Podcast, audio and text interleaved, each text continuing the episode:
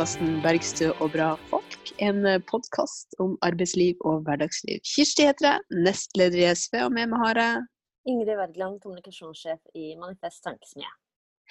Og vi har også med oss en gjest i dag fra kan vi si, midten av Norge. Eh, så har vi med oss Elinor Marita Ljåma. Velkommen til deg, Elinor. Tusen takk for det. Utrolig hyggelig eh, med deg. Du er jo eh, Jeg vet at du har kommet rett fra fjellet nå. Og så er du jo til vanlig både sametingspolitiker, du er leder av Norske reindriftssamers landsforbund, og er også reindriftsutøver. Så du er jo ei dame med et bredt politisk virke. Men jeg tenkte kanskje du kunne starte med å si noe om NRL, altså den organisasjonen du er leder for, og hva dere jobber med om, om dagen? Ja, NRL, Norske reindriftssamers landsforbund, er jo en uh, interesseorganisasjon for uh, alle reindriftssamer i, i, Norge. Uh, og vi har um, lokallag som strekker seg helt fra Hedmark og da til, til Finnmark. Så vi har åtte lokallag og et ungdomsutvalg Eh, som dekker da alle de geografiske områdene i, i reindrifta. Og vi har et stort styre eh, i reindriftssammenheng eh, med da representanter fra alle lokallagene pluss ungdomsutvalget, eh, som jobber eh, daglig med eh, problemstillinger knytta til, til reindrifta. men kanskje vår viktigste oppgave er jo å forhandle med staten om en eh, reindriftsavtale som kan sammenlignes med jordbruksavtalen. Vi er jo to eh, næringsorganisasjoner i Norge som har eh, direkte forhandlinger med, med staten. Og vi forhandler da årlig om, om en reindriftsavtale. Ellers så er det jo veldig mye eh, møtevirksomhet. Mye konsultasjoner med staten i alle saker omtrent som omhandler reindrifta. Eh, vi skal òg serve lokallagene våre, reineierne, eh, og eh, prøve å bistå dem så langt det går. Vi er dessverre en liten organisasjon med tanke på at vi er nasjonal sånn ressursmessig i forhold til ansatte og sånne ting. Vi har kun to heltidsansatte. Eh, så Derfor så ligger det òg veldig mye arbeid på styrerepresentantene som vi har, og lokallagene. Eh, og jeg ser jo det at siden jeg overtok som leder i 2014, så har eh, saksmengden økt betraktelig. Og vi ser det at utviklinga som er, krever enda mer av organisasjonen vår enn hva det gjorde da jeg overtok i 2014. Så, mm, så, vi jobber bredt opp imot nasjonale myndigheter, men òg lokale myndigheter. Og, og, på tvers av landegrenser. Vi har en del samarbeid med vår eh, søsterorganisasjon i Sverige. Eh, og om uh, ulike saker som da berører reindrifta. Det er kanskje all hovedsak det som heter for norsk-svensk reinbeitekonvensjon som, eh, som er, omhandler da grenseoverskridende reindrift mellom Norge og Sverige. Mm. Du kan jeg bare spørre om en ting, for jeg vet veldig litt om, mm. om reindrift. Og mm. eh, siden du sammenligner med bondeorganisasjonene, f.eks. Mm. Eh, er det, er det altså bondens, Bonden, der har man jo odelsrett. Er det, er det mye av liksom samme innenfor reindrift? At det er, at det er et virke som går i arv? Eller er det mange som, som plutselig, plutselig, begynner med reindrift og ikke har vokst opp med det? Eller hvordan, mm. hvordan er rekrutteringa til, til, bransjen? Nei, altså det, Rekrutteringa er er, veldig, veldig god. Eh, til, til, sammenligning med når du var inne på det med, med ja, eh, bondeyrket, som kanskje sliter med å rekruttere, så har vi motsatt problem i reindrifta. Vi, vi har eh, utfordringer med at det er ikke plass til, til, alle som ønsker seg inn i reindrifta. Um, Reindrifta er jo spesiell på den måten at det er på en måte ikke bare et yrke, det er en, en livsstil. Og det ligger stolthet òg i reindrifta som, uh, som, man får inn med morsmelka. Uh, ungene er med ifra de omtrent er født. Uh, og den, den, språklige og kulturelle biten til næringa òg, den, den sitter i ryggmargen på så så sterkt at uh, um, man har en så sterk tilhørighet til reindrifta at uh, de aller fleste som, som, har vokst opp med det, ønsker seg å inn i denne næringa. Men så er det jo sånn at staten innførte jo det som i dag heter um, sikteandeler. Altså at man på en måte har en person da, som er hovedansvarlig for, for drifta. Uh, og så kan jo den da ha flere personer under seg, sånn at det blir en storfamilie som, som driver dette her i lag. Uh, og det er på godt og vondt. Uh, og så eh, Mange har nok ønska at, eh, at eh, man har kanskje hatt en annen organisering som, som har gjort det at det har på et vis blitt flere som har kunnet hatt reindrift som, som sitt hovedvirke. Da. For det, det, er ikke mulig i dag. Uh, sånn at um, det er Ja, alle som har en siktandel, har som regel veldig mange av sine familiemedlemmer under seg. Sånn at det er, det er en familiebedrift, om man kan si det sånn. Mm. Men når du sier at det er en, en livsstil, uh, vil, du, vil du skissere liksom, uh, årshjulet eller uh, altså hvordan, hvordan, man hva, hva, gjør man? Hvordan driver man, hvordan driver man med rein? Ja, og så Hvor skal begynne han da? Vi kan vel begynne i og med at vi nå er på, på sommeren. Uh, så har veldig mange nå uh, nettopp eller er i gang med å merke reinkalvene. som kom til i ja, første han kom vel i april, men så fødes det i april-mai. Uh, og det er jo det som på en måte er uh, livsgrunnlaget. Uh, for vi har jo òg en statlig politikk som legger opp til at det er kalveslakt som skal gi inntekt. Og da er man avhengig av god kalvetilgang. og nå på sommeren så er nok det kanskje årets vakreste eventyr. Det å få eh, reise til fjells og eh, merke de nyfødte kalvene. Og da er på en måte storfamilien samla i den tida eh, hvor man er på, på fjellet og, og merker. Eh, når man merker varierer veldig eh, Eh, plass til plass, og litt ulikt i forhold til hvor i landet man er òg. Eh, sånn som for mitt eget vedkommende, så, så merker vi som regel i månedsskiftet juni-juli.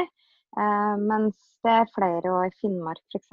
Som, som merker i september i forbindelse med høstslakt. Og det er jo det som er på en måte det neste eh, sånn praktiske arbeidet utover høsten. Det er jo eh, slakting. Men før du eh, forteller om det, hva, hva, betyr det helt konkret å merke? Eh, det betyr at Ikke le, jeg kan ikke så mye om dette. det er det at eh, alle som har rein, har eh, et eget reinmerke. Mm. Eh, og det er, det er, rett og slett En logo, liksom? Det er snittkombinasjoner i ørene. Uh, altså du ja. kutter i ørene på dem, Ingrid? Ja. ja. Så man skjærer på en måte eh, ulike snitt i, i, ørene. Men hvordan ser det merket ut? Eh, ja, hvordan skal jeg forklare det? da? På høyreøret så er det som en eh, Ja. Eh, det, det, er veldig vanskelig å forklare, men eh, på høyreøret, også den krøkken, da, er jo Hvis du ser for deg øret, så er det ifra fra ørespissen og, og, inn mot rota, så går det liksom Skjærer du på et vis sånn halvveis, og så drar du det opp så at det blir som en sånn eh, Ja, hva skal jeg si, da? Sammenligne med? En eh, en L som har bekker. Mm. eh, også på venstreøret så er det som ei sånn eh, Skarja betyr, kan jo betyr saks. og så det blir som et sånt hakk, da. Mm. Men dette høres jo eh, vondt ut for, eh, for, for kalven. Hvordan, hvordan, er det en som holder den fast, og så er det en annen som skjærer, da? Eller hvordan eh, gjør du det? Altså, vi sitter, altså har kalven på en måte mellom beina Ja. eh, i en stilling som gjør at den, den ligger i ro. Ja. Eh, og så går det jo veldig fort. Vi bruker å si, eller dem som har forklart dette her før, sier at det er som når vi menneskene tar hull i ørene. Altså det er ubehagelig med det samme, men det, det, det går over, liksom. Det er ikke Mm. Men det er en som holder, en som skjærer, da? Eller? Ja. Mm. Eller at man, man holder sjøl. Det er alt alt ettersom. Mm. Men det er en man sånn også? Eh, noen gjør det.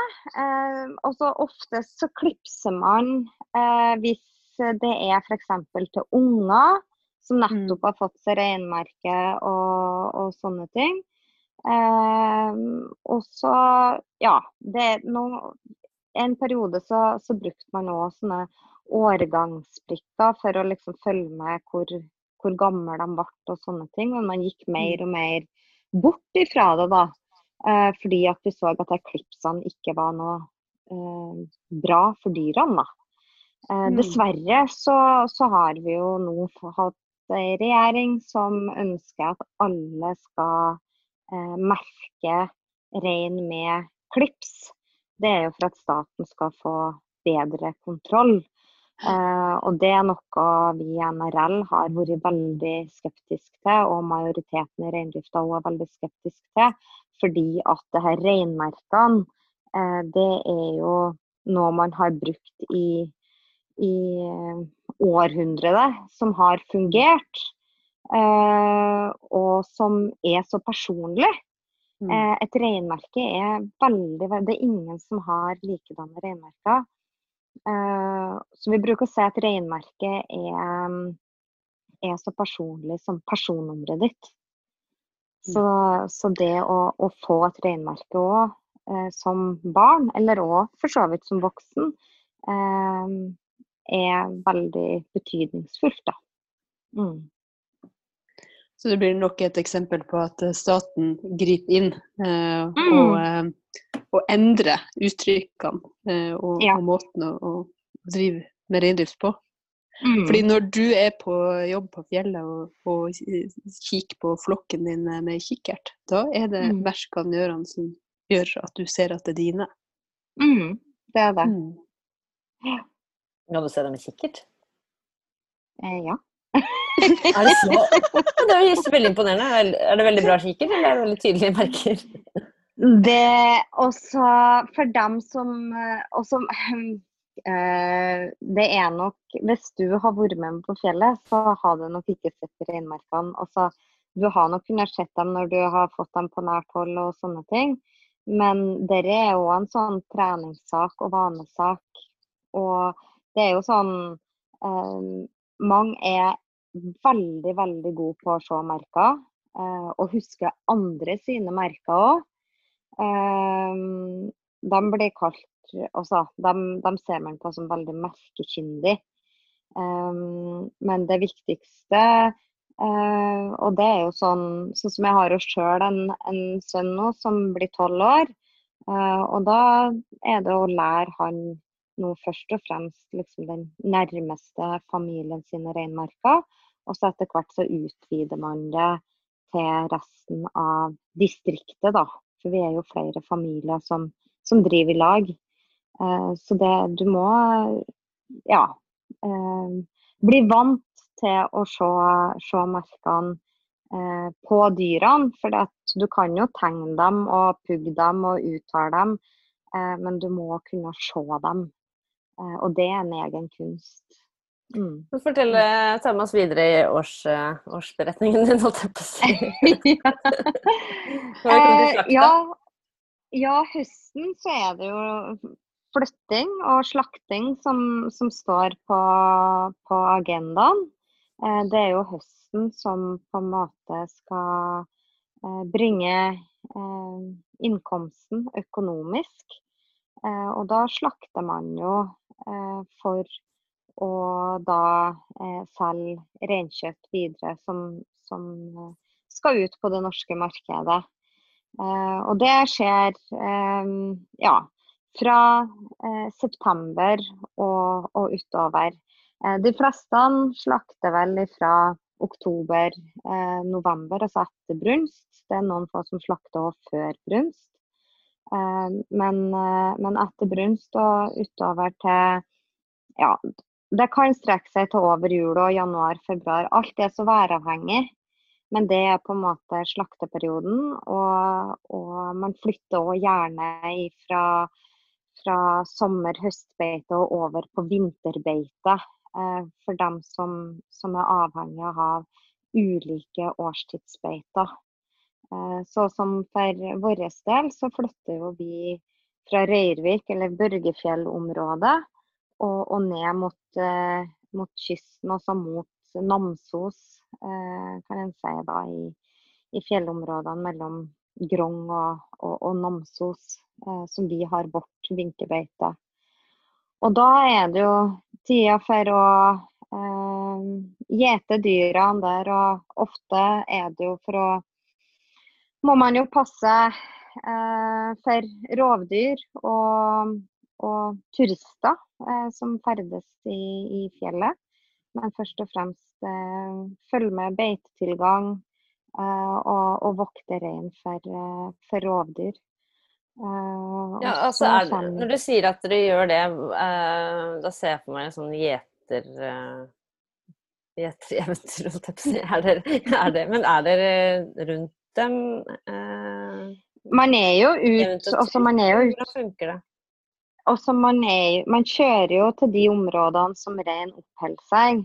Um, man har jo tildelte områder som rein skal være.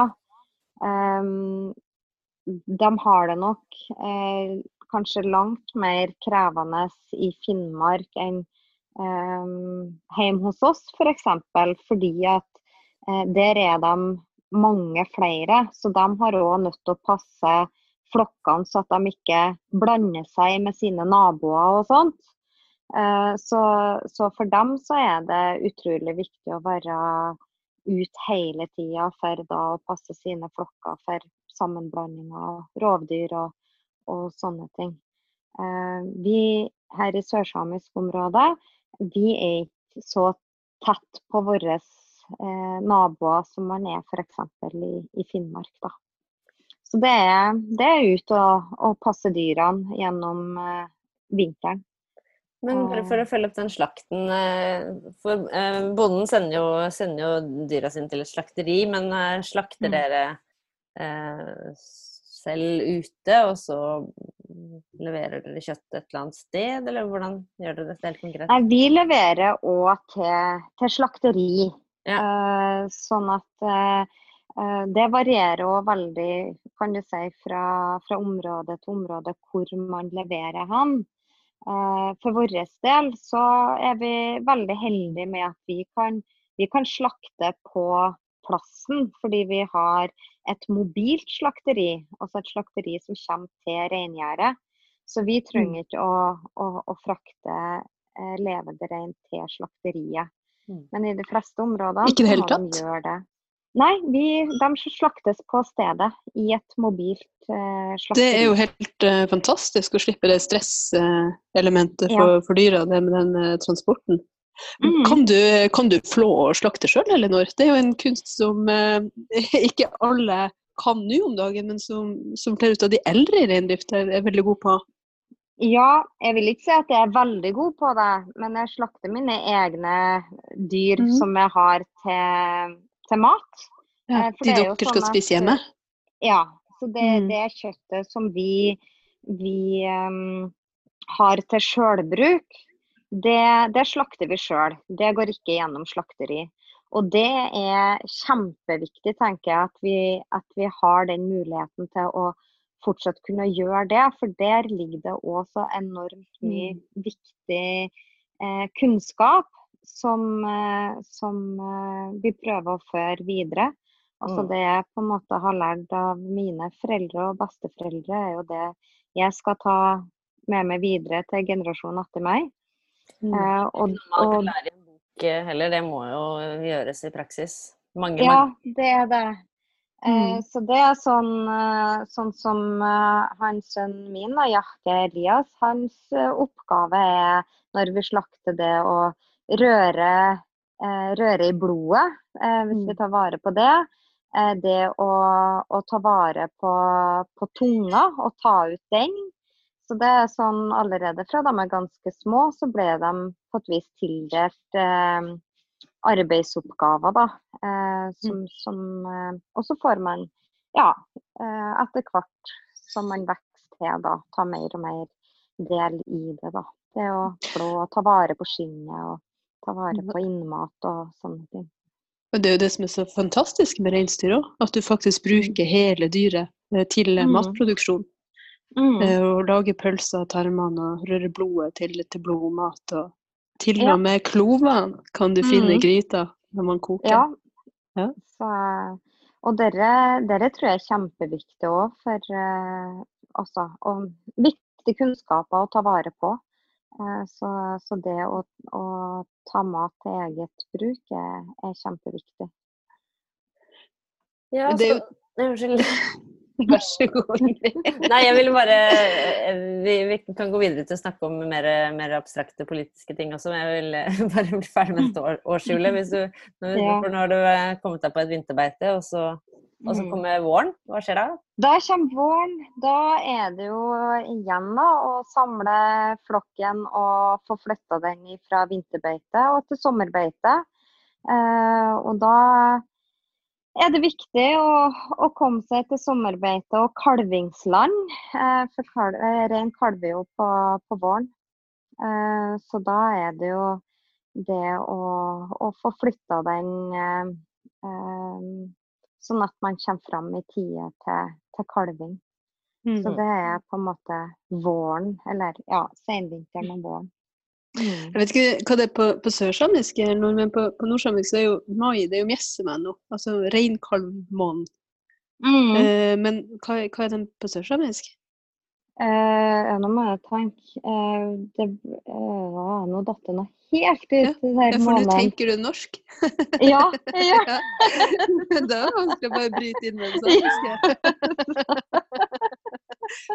Fordi eh, Jeg vet ikke om det er forskjellig når de kommer. Eh, For Hjemme så kommer de jo etter den tiende, eh, de aller fleste. At det er sjelden at du får reinkalvene før 10. mai. ja og det er det jo til, til Altså i nord. også. Mm. Ja. Men det er jo sånn at Så det er jo på en måte mai som er den viktigste måneden for kalvinga. Og så og så kan det jo være at de kommer til tidligere. Eh, vi opplever jo omtrent hvert år at det er en eller annen kalven som kommer til under vårflyttinga. Eh, og som regel så går det bra. Eh, men ofte så kan man òg oppleve da at kalven på et vis er for liten og svak til å følge flyttinga, eller at simla rett og slett støter den fra seg. Eh, og da er det nok Jeg tror nok alle i reindrifta har hatt med seg eh, reinkalver hjem som man da har flaska opp, som har Mm. kommet til under reinflytting f.eks. Mm. Men eh, det er vel sånn som med, med lamming eh, at man må, må, du må hjelpe til, liksom, med, når, de, når de blir født? Nei.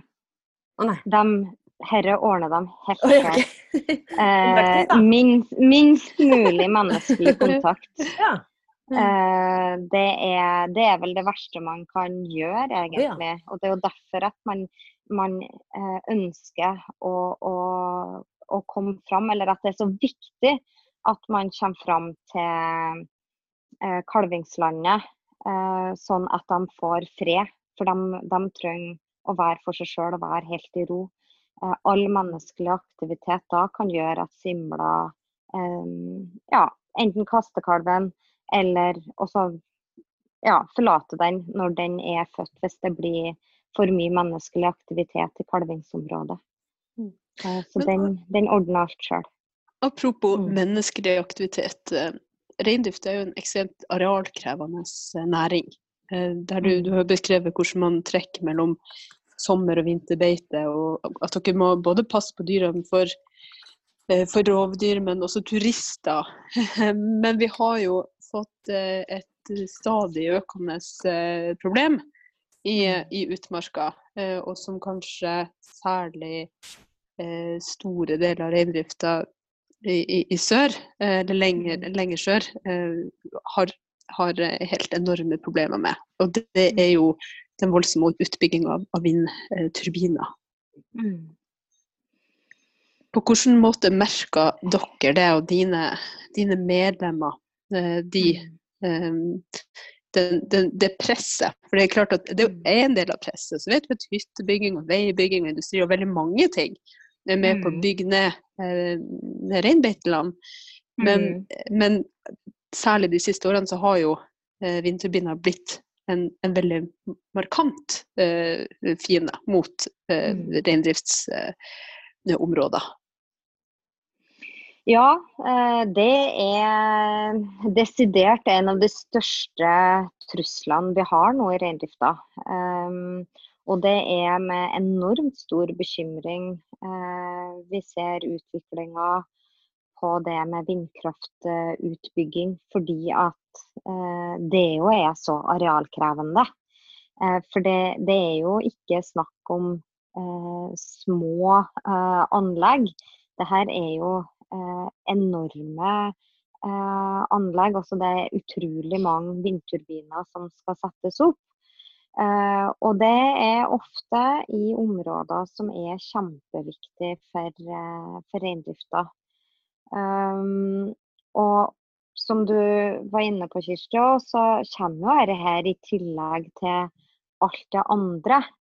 Um, som hytteutbygging, uh, andre uh, arealinngrep, uh, veier. Um, vi har jo òg mineralforekomster, interesser rundt det og, og sånne ting.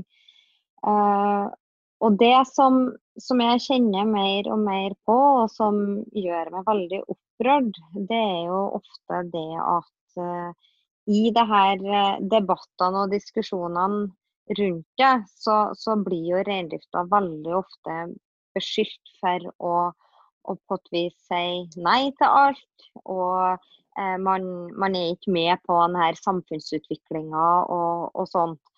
Eh, men jeg ønsker at folk har visst og at det har kommet fram eh, for dagen alt reindrifta òg har sagt ja til. Mm. For det er ganske mye over veldig mange år. Så det er en, jeg kaller, eller vi kaller det for en sånn bit for bit-politikk. Man tar et lite stykke her og et lite stykke der. Og så har man på et vis kommet til en grense nå for at nå er det nok. Vi har ikke noe mer å gi fra oss. Fordi at de arealene som, som gjenstår, det er vi helt avhengige av for at vi skal kunne ha et bærekraftig reintall. Det er jo noen ting det har vært veldig mye fokus på. Det er liksom det at jo, men det er altfor mye rein og sånt. Men, men, det er jo ikke noe rart når, når livsgrunnlaget forsvinner. Så, så, vil det jo bli mindre arealer å drive rein på òg. Og så er man avhengig av et gitt antall rein for å kunne leve av det. Sånn at i hvert fall sånn som i, i sørsamisk område, som vi er så sårbare fordi at vi, vi er så få. Eh, og språket, ikke minst, og kulturen eh, er så sårbar. Og det er ikke noen tvil om at eh, kanskje spesielt i sørsamisk område så er reindrifta bærebjelken. Og forsvinner reindrifta, så forsvinner så språket og kulturen på relativt kort tid. Så det at vi nå har alle de kampene vi, vi, står i nå i forhold til spesielt vindkraftutbygging, det er fryktelig tidkrevende. Og jeg mener at det er òg eh, så unødvendig eh, at man må på et vis kjempe det her eh, kampene, all den tid at òg myndighetene vet hvor ødeleggende dette her er for reindrifta. For vi har jo fått stoppa noen utbygginger hvor eh, Olje- og energidepartementet har sagt nei, fordi at dette her vil ha såpass stor negativ, eh, negative konsekvenser for reindrifta. Det vi ikke forstår, er jo hvorfor dette her ikke gjelder alle områdene eh, mm. hvor det drives reindrift. Så det blir litt sånn vanskelig å forstå at man sier nei noen plasser, men så kan man si ja på andre plasser, til tross for at eh, det er samme konsekvensene. Da. Men helt konkret, hva, hvilken skade det er det gjør for, eh, for reindriften at det kommer opp eh, vindturbiner? Det er jo for det første at man mister kanskje viktige beiteområder. Altså Rein er jo helt avhengig av uh, mat. Men det er jo òg flyttveier, uh, trekkveier, Eh, som, eh, som rein er, er, avhengig av. Og så flyttveiene er jo det der hvor eh, rein flytter seg fra de ulike årstidsbeitene. Men så er de naturlige trekkveiene. Altså Rein er jo vanedyr. og de, de, kan veien de skal gå, og går samme veiene år etter år. Og Det har de jo gjort over generasjoner. og det når trekkveiene blir ødelagt, da, så, så må de jo eh, eh, finne andre veier. Men altså, det skaper en ubalanse i flokken, fordi at det står noe i veien for der de ellers ville ha gått. Ja, nettopp. Det er ikke sånn at de bare går forbi, liksom. Da, da blir de Nei. veldig forvirra om å gå en helt finne en ja. Mm. Det er det det gjør. Og det kan jo spre flokken og, og skape en ustruktur i, i, i flokken. Uh, og et stort merarbeid for, uh, for reineierne. Uh, men det er jo òg det at det ødelegger jo naturen. Og, og det som, som jeg er veldig glad for, her, her er jo noe som reindrifta har kjempa alene for i mange, mange år.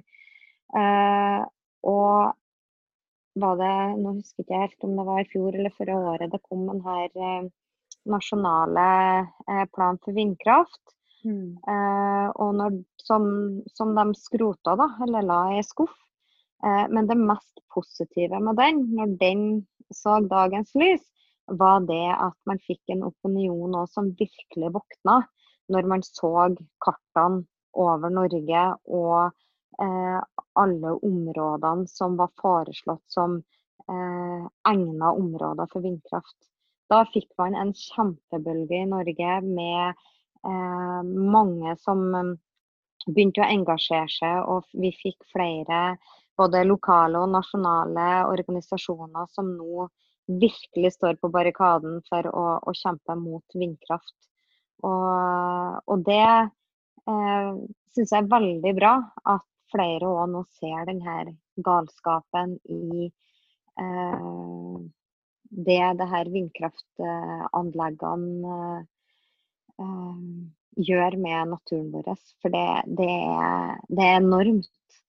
Uh, for det er, også jeg tror ikke noen som ikke har vært i et vindkraftanlegg, fatter og begriper eh, hva dette her faktisk innebærer av ødeleggelser.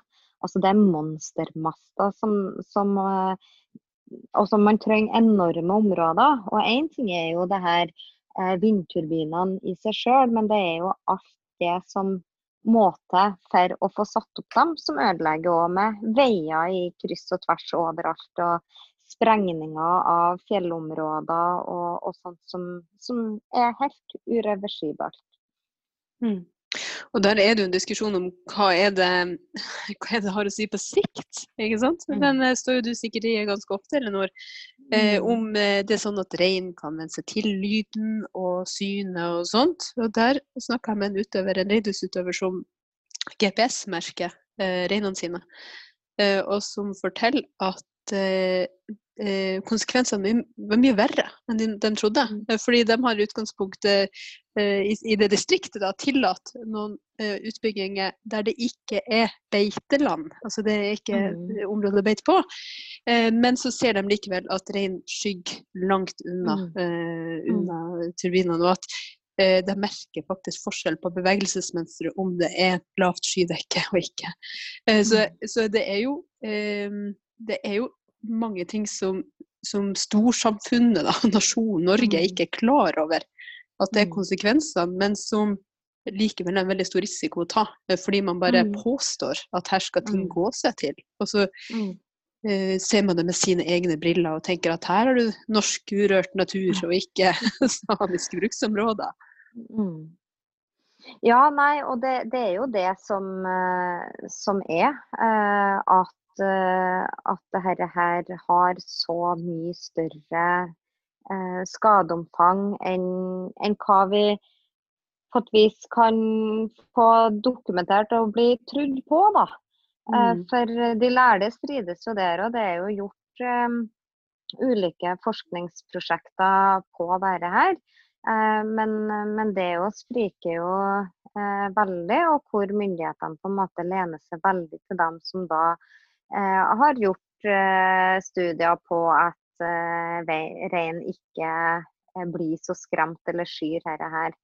Eh, men, men heldigvis så er det jo flere, flere studier også som nå viser det at skadeomfanget av eh, sånne vindkraftanlegg har en negativ og skadelig virkning for, for reindrifta. Eh, så jeg håper jo at man får flere sånne rapporter på, på bordet. Jeg vet at det kommer en nå i 2020 som, som Jeg tror ikke den er publisert ennå. Eh, men den blir utrolig viktig. For vi trenger alt som kan vise at det her har eh, negative virkninger. Men så er det jo igjen eh, veldig sånn eh, politisk. Og så Mm. hvem som til enhver tid eh, sitter eh, i førersetet hos de ulike departementene som har eh, ja, ansvar. Og, og der er det Det er mulig det er sånn ellers eh, i ulike samfunnslag, men vi opplever veldig den her Også det at det er så lite kontakt mellom de ulike departementene. Eh, for vi har jo Landbruks- og matdepartementet som har på et vis hovedansvaret for reindrifta. Men de har ingenting med f.eks.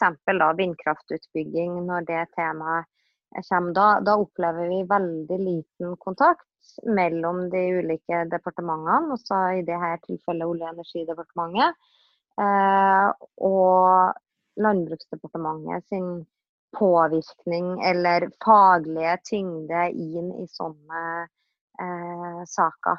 Eh, og det er krevende. Og det er jo der det blir eh, Ja, vi bruker veldig mye tid på å da få de ulike ansvarlige statsråder til å eh, ja, få nok kunnskaper om reindrift, rett og slett. Hva er NRL sine krav eller ønsker for, eh, for eh, politikken for fremtida? Både når det gjelder um, vindmøller og annet. Ja, vi har eh, Det her har jo som sagt vært et tema i NRL i over mange mange år. Vi har hatt utrolig mange landsmøter og styremøter hvor vindkraft er diskutert, og vi har nulltoleranse. Altså, Vi ønsker ikke eneste vindmølle til i, i reinbeiteområder. Og det er Grense er Eh, sprengt for lengst. Ja, den er Mm. det. Eh, Det er nok. Eh, Det er ikke plass til en eneste vindmølle til. Nå, eh, og, og det har vi nok blitt enda mer overbevist om når vi ser nå hvordan det ser ut på Fosen, som er en ren tragedie. Det er Fortell litt om det, Elinor. Mm. ja, det eh, Fosen er jo et eh, ja, enormt vakkert landskapsområde i utgangspunktet. Eh, men hvor òg det, det drives eh, reindrift av, av et eh, distrikt som har relativt krevende områder sånn typografisk. Og ja, jeg vil si at det, det, er kanskje en av de styggeste sakene jeg har vært med om, med tanke på de prosessene som har vært. Eh, I forkant, altså med både møter og, og det man har forsøkt på av dialog. Eh, men den mm. dialogen har vært temmelig enveis, og hvor eh, distriktene har blitt totalt eh, overkjørt. Og her er det jo ikke, etter mitt syn i hvert fall, lagt til grunn eh, reindriftsfaglige kunnskaper i hele tatt. De har ikke blitt vektlagt. Eh, og det at man nå over eh, også begynte å bygge det her til tross for at det har gått flere saker i rettssystemet Eh, det er òg meldt inn til FN. Men det er litt sånn holdning, opplever jeg, i det her vindkraftmiljøet at det er bedre å be om tilgivelse i stedet for tillatelse. Mm. Uh, var bl.a. rett før sommeren her på Øyfjellet i Nordland, uh, hvor man nå, nå har begynt uh, prosesser og hvor eh, representanten for E.ON sier at eh, jo, jo, men eh, vil det nå vise seg at det her prosjektet blir stoppa, så må vi rydde opp etter oss og forlate plassen. Skulle det nå vise seg nå at man på Fosen får gjennomslag i rettssystemet, i en høyesterett eller i noe FN-organ, at dette her på en måte bryter med eh, både lover og konvensjoner og, og, sånne ting, så kan ikke jeg fatte og begripe hvordan dette skal kunne tilbakeføres til sånn som det en gang var. For hele Fosen er jo sprengt i fillebiter for å få plass til alle de turbinene som er der. Og det skaper jo store konsekvenser for dem som driver rein der. De erkjenner at vinkebeitet deres er gått tapt, men at de kan fòre rein med da kraftfôr på vinteren. Det er det som er løsninga deres? Mm, det er løsninga på Fosen. Og, og det er kompensasjon, da? At de får, at de får liksom økonomisk kompensasjon for, ja. for tap av beite? Også. Ja. Eh, men eh, og det er jo ofte det som, eh, som reindrifta blir møtt med, og som òg det kritiseres veldig mye for. Eller som er på en måte en sånn hets imot oss, da. Det er jo bare det at vi er ute etter erstatninger. Mm. Eh, men vi vil jo aldri ha eh, erstatninger i form av penger, for det løser jo ingenting for oss. Eh, skulle man jo virkelig ha fått det erstatta, så har man jo måttet ha fått det erstatta med nye landområder beiteland. Eh, det mm. har vært på sin plass, men det får man jo ikke. Nei, for hva er det som eh. egentlig er erstattbart? ikke sant? Hvis at man må avvikle drifta, så du, mm. kan du ikke legge inn dine barn. Og vi vet Nei. at uh, reindrift er en språkbærer, en kulturbærer. Mm. Og uh, særlig i sørsamiske område, der man så presser fra alle kanter, mm. så er mm. det nerven man det det. Eh, skjærer over. Ja, det er det. Sånn at uh, det her er Nei, det er, det er en uh, tragedie. Uh, og alle Og det er det som, som, på en måte er litt den her frustrasjonen i alt man, man holder på med. Og det er jo all den her negativiteten i, i, forhold til hvorfor man sier nei, mm. og hvorfor òg man eventuelt, hvis man sier ja, krever å få noe igjen for det. Eh, mm. men tålegrensa er på et vis nådd i forhold til hva man kan si ja til, da. For sier vi jo ja til alle de her små inngrepene her og der, og eh, det er jo ofte sånn som med hyttefelt. OK, man kan si ja til det området, så går det noen år. Og så har man nye koster ved et politisk regime som tenker at jo, jo, men også tar den lille flekken der. Det kan jo ikke ha så stor betydning. Men på sikt så har det enormt store betydninger. Det blir litt sånn som eh, hvis du tenker hagen din, da. At eh, du har eh, ei plen Eh, og så over en 20-årsperiode så kommer naboen og tar litt og litt av den plenen. Til slutt så har du ikke noe plen igjen. Mm. Eh, og, og en, en, gang så må man si nei. Nå er det, mm. er det nok. Hvis man ikke får noe eh, annen erstatning enn en penger. For penger er ubetydelig eh, for rein sin del. Eh, de mm. trenger eh, beite. De trenger land å leve på. Og mm. all den tid Norge har um, anerkjent uh, oss som et urfolk og, og, og kjøre en politikk på at det òg skal være reindrift, så må man òg legge til rette for det. Og det er jo det som er så krevende.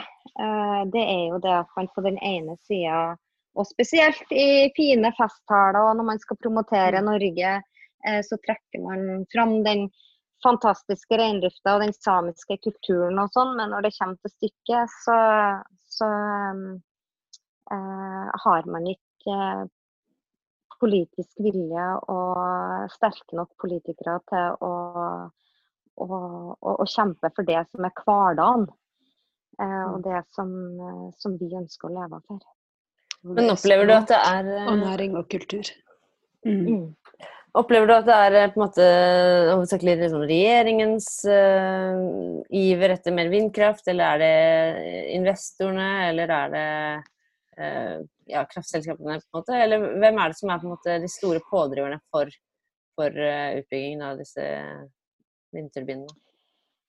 Også der kan man nok gjøre mange analyser, men jeg opplevde jo Nå har jeg drevet Eh, aktivt, kan du si, da, med, med, politikk, og spesielt i forhold til å følge reindriftspolitikken eh, på heltid siden 2009.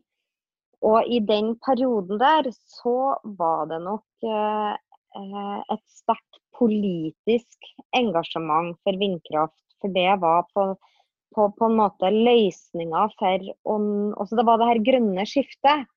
Eh, og man hadde det her grønne sertifikatene som man forhandla om eh, eh, flere land. Eh, og man hadde et mål som skulle oppnås innen 2021. Eh, og så fikk man et veldig stort påtrykk og ga mye tillatelser og sånt i en periode. Eh, og så begynte også kanskje kommunene å se, for altså, kommunene ble jo lova gull og grønne skoger i forhold til, til økt inntjening i kommunene og nye arbeidsplasser og sånne ting. Men etter hvert så tror jeg nok at kommunene har vært mer og mer eh, oppmerksom på at det kanskje ikke helt var realiteten. Eh, så jeg opplever vel at det har kanskje endra seg fra at det har vært en veldig sånn sterk politisk drivkraft til at det nå er investorene som, som presser på.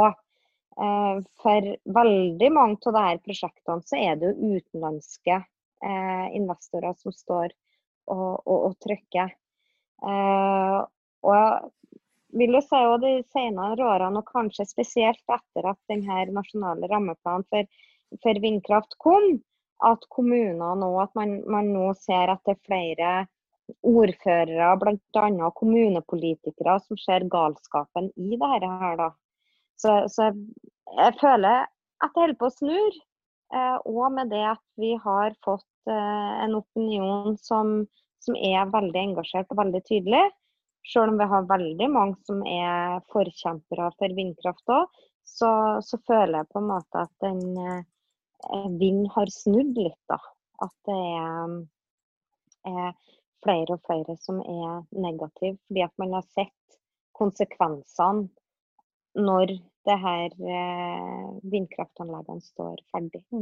Mm. Og der trenger man jo sterke allianser mellom reindrift, mm. eh, naturvernere mm. eh, og de lokale aksjonsgruppene. Og selvfølgelig politiske mm. partier. Jeg skal jo love at jeg skal gjøre mm. det jeg kan for at vi ikke skal få eneste vindmølle til reinbeiteland. ja, det høres bra ut, for det er det vi trenger. Og det er jo til syvende og sist Stortinget som, eh, som uh, avgjør vår fremtid og vår skjebne, skulle jeg si. Og, Mm. og mener Stortinget at reindrifta skal være bærekraftig i framtida òg, så, så må dette her stoppes. Og Det er jo va- litt interessant òg med det at vi, vi nå har ei regjering som er veldig opptatt av eh, bærekraft. De Eh, sier så, i hvert fall. Ja, og de, de sier det. Og man er veldig opptatt av, av eh, at reindrifta skal være økologisk og økonomisk bærekraftig. Men, men vi greier ikke helt å, å forstå hvordan vi skal kunne opprettholde ei økologisk og økonomisk bærekraftig reindrift all den tid at vi Mm. mister beiteland, og i Mm. tillegg til at vi er den eh, største matleverandøren til eh, våre rovdyr. Mm. Eh, sånn at eh, i år så, så er det et eh, katastrofeår for reindrifta. Fordi at vi har hatt eh, den mest krevende vinteren på mange, mange tiår med Mm. eh, så store snømengder eh, og nesten ikke beitetilgang eh, nå i vinter. At, og det, det gjør jo noe med, med produksjon. Sånn at uh, meldinga nå viser jo at det er uh, utrolig lite kalv uh, allerede nå under kalvmerking for dem som har, har eh, hatt det i, i juni og juli her. Eh, og så har vi òg de enorme store tapene da, til, til rovdyr. Eh, så det rovdyr og, og vindkraft er, er den største trusselen for uh, vår framtid. Så det er jo noen ting NRL jobber veldig for. Det er å få en, en mer balansert eh, rovdyrpolitikk. For sånn som det er nå, så er det helt i ubalanse. Det er ingen i reindrifta som, som ønsker å utrydde rovdyrene. Eh, Det må jeg bare få presisert. Eh, Men man ønsker en, en bedre balanse, fordi at vi taper altfor mye til, til rovdyr. Så Hvilke rovdyr er det- det som tar reinen, det er egentlig alle. Eh, nå er det sånn at um, uh, ulven, det har jo Stortinget vedtatt at ikke skal være i reinbeiteområder. Eh, men vi har jo det sørligste reinbeitedistriktet, Elgå, som, som ligger i Hedmark. Det heter vel ikke det lenger? Innlandet, jeg? I Innlandet. Mm. Inn- Alle vi, ja. alle vi andre er i utlandet. Ja. Ja. det. Mm. Innlandet. Mm. Eh, de har jo òg en del tap til, til ulv, for de ligger jo så nært eh, ulvesona. Eh, men ellers så er det På våren så er jo ørna ei kjempeutfordring, og den er jo helt ute av kontroll. Den er det jo ingen som har styring på i det hele tatt, og det ønsker vi òg å få en forvaltning på. Eh, fordi at eh, det, det er så ja, så store tap til, til Men ørn, ørn, faktisk. Men, ørn, ja. Ørn tar kalven. Eh, men den tar òg voksne dyr, men i hovedsak kalv. Og så er det så mye ørn nå, Ingrid. Det er så innmari mye ørn. Det er helt hinsides mye ørn. For det er, ikke- det er vel ikke noe nytt at ørna tar eh, kalv, eh, for så vidt. Nei, Men at det er så voldsomt store mengder, det gjør jo at man kanskje bør snakke nærmere med næringa om hva man kan gjøre fra Mm. side for å beskytte eh, reindrifta fra den, eh, den økende bestanden. Mm. Mm. Og der Og så jerv er kanskje også? Ja da, jerven og gaupa og bjørn. Altså vi har alle, alle de fire store som, som, eh, som gjør stor skade. Mm. Og det er veldig sånn ulikt Eller ja. Det er år, hvilke perioder man er. Våren så er det jo Våren og sommeren er jo bjørn veldig aktiv. Eh, vinteren så er det jo eh, jerv, jerven og gaupa. Eh, Sånn at det er på en måte gjennom hele året. Men klart, våren og sommeren er man jo så sårbar, for det er jo da eh, kalvene som skal være inntjeninga vår for neste år, som, som da forsvinner eh, ut i intet. Og det, det får vi jo ikke eh, eh, erstatta i forhold til det reelle tapet som er, da. Mm. Mm. Elinor, det er godt å høre at eh, dere står på eh, til tross for de utfordringene dere står i, og at du tar kampen for medlemmene dine og for fremtida for, for reindrifta over hele Sápmi. Men det er ikke sikkert at du alltid har holdt på med reindrift. Hva vet vel jeg? Vi har et fast spørsmål til våre gjester i nettkassen, og det er hva var din aller første jobb? Vet du, min aller første jobb eh, var som eh, sekretær på eh, Saemien Seite eh, på Snåsa, som er ja, museum og, og kultursenter. Eh, det var når jeg var 16 eh, år. men så hadde jeg sånn Eh, jeg vokste opp på Snåsa på sameskolen og bodde på internat. Eh, så det, altså det var jo ikke en fast jobb, men innimellom, når vaskehjelpa på skolen var sykemeldt eller syk, så fikk vi elevene betalt for å vaske på skolen. Men liksom den første ordentlige jobben sånn sett, det, det må jeg nok si var Samesikte. Sekretær og turistvert. Mm. Det hørtes veldig kjekt ut. Ja. Så flott. Ello, mm. takk for at du, var med oss. Takk for at du eh, berika og kan man si bekloka, er det et ord? Eh, gjorde våre lyttere klokere eh, rundt eh, både reindrifta og hvilke utfordringer dere står i. Så vil vi bare ønske deg og, og, og, NRL lykke til videre. Og si eh, si riktig takk til alle dere som har hørt på. På gjensyn.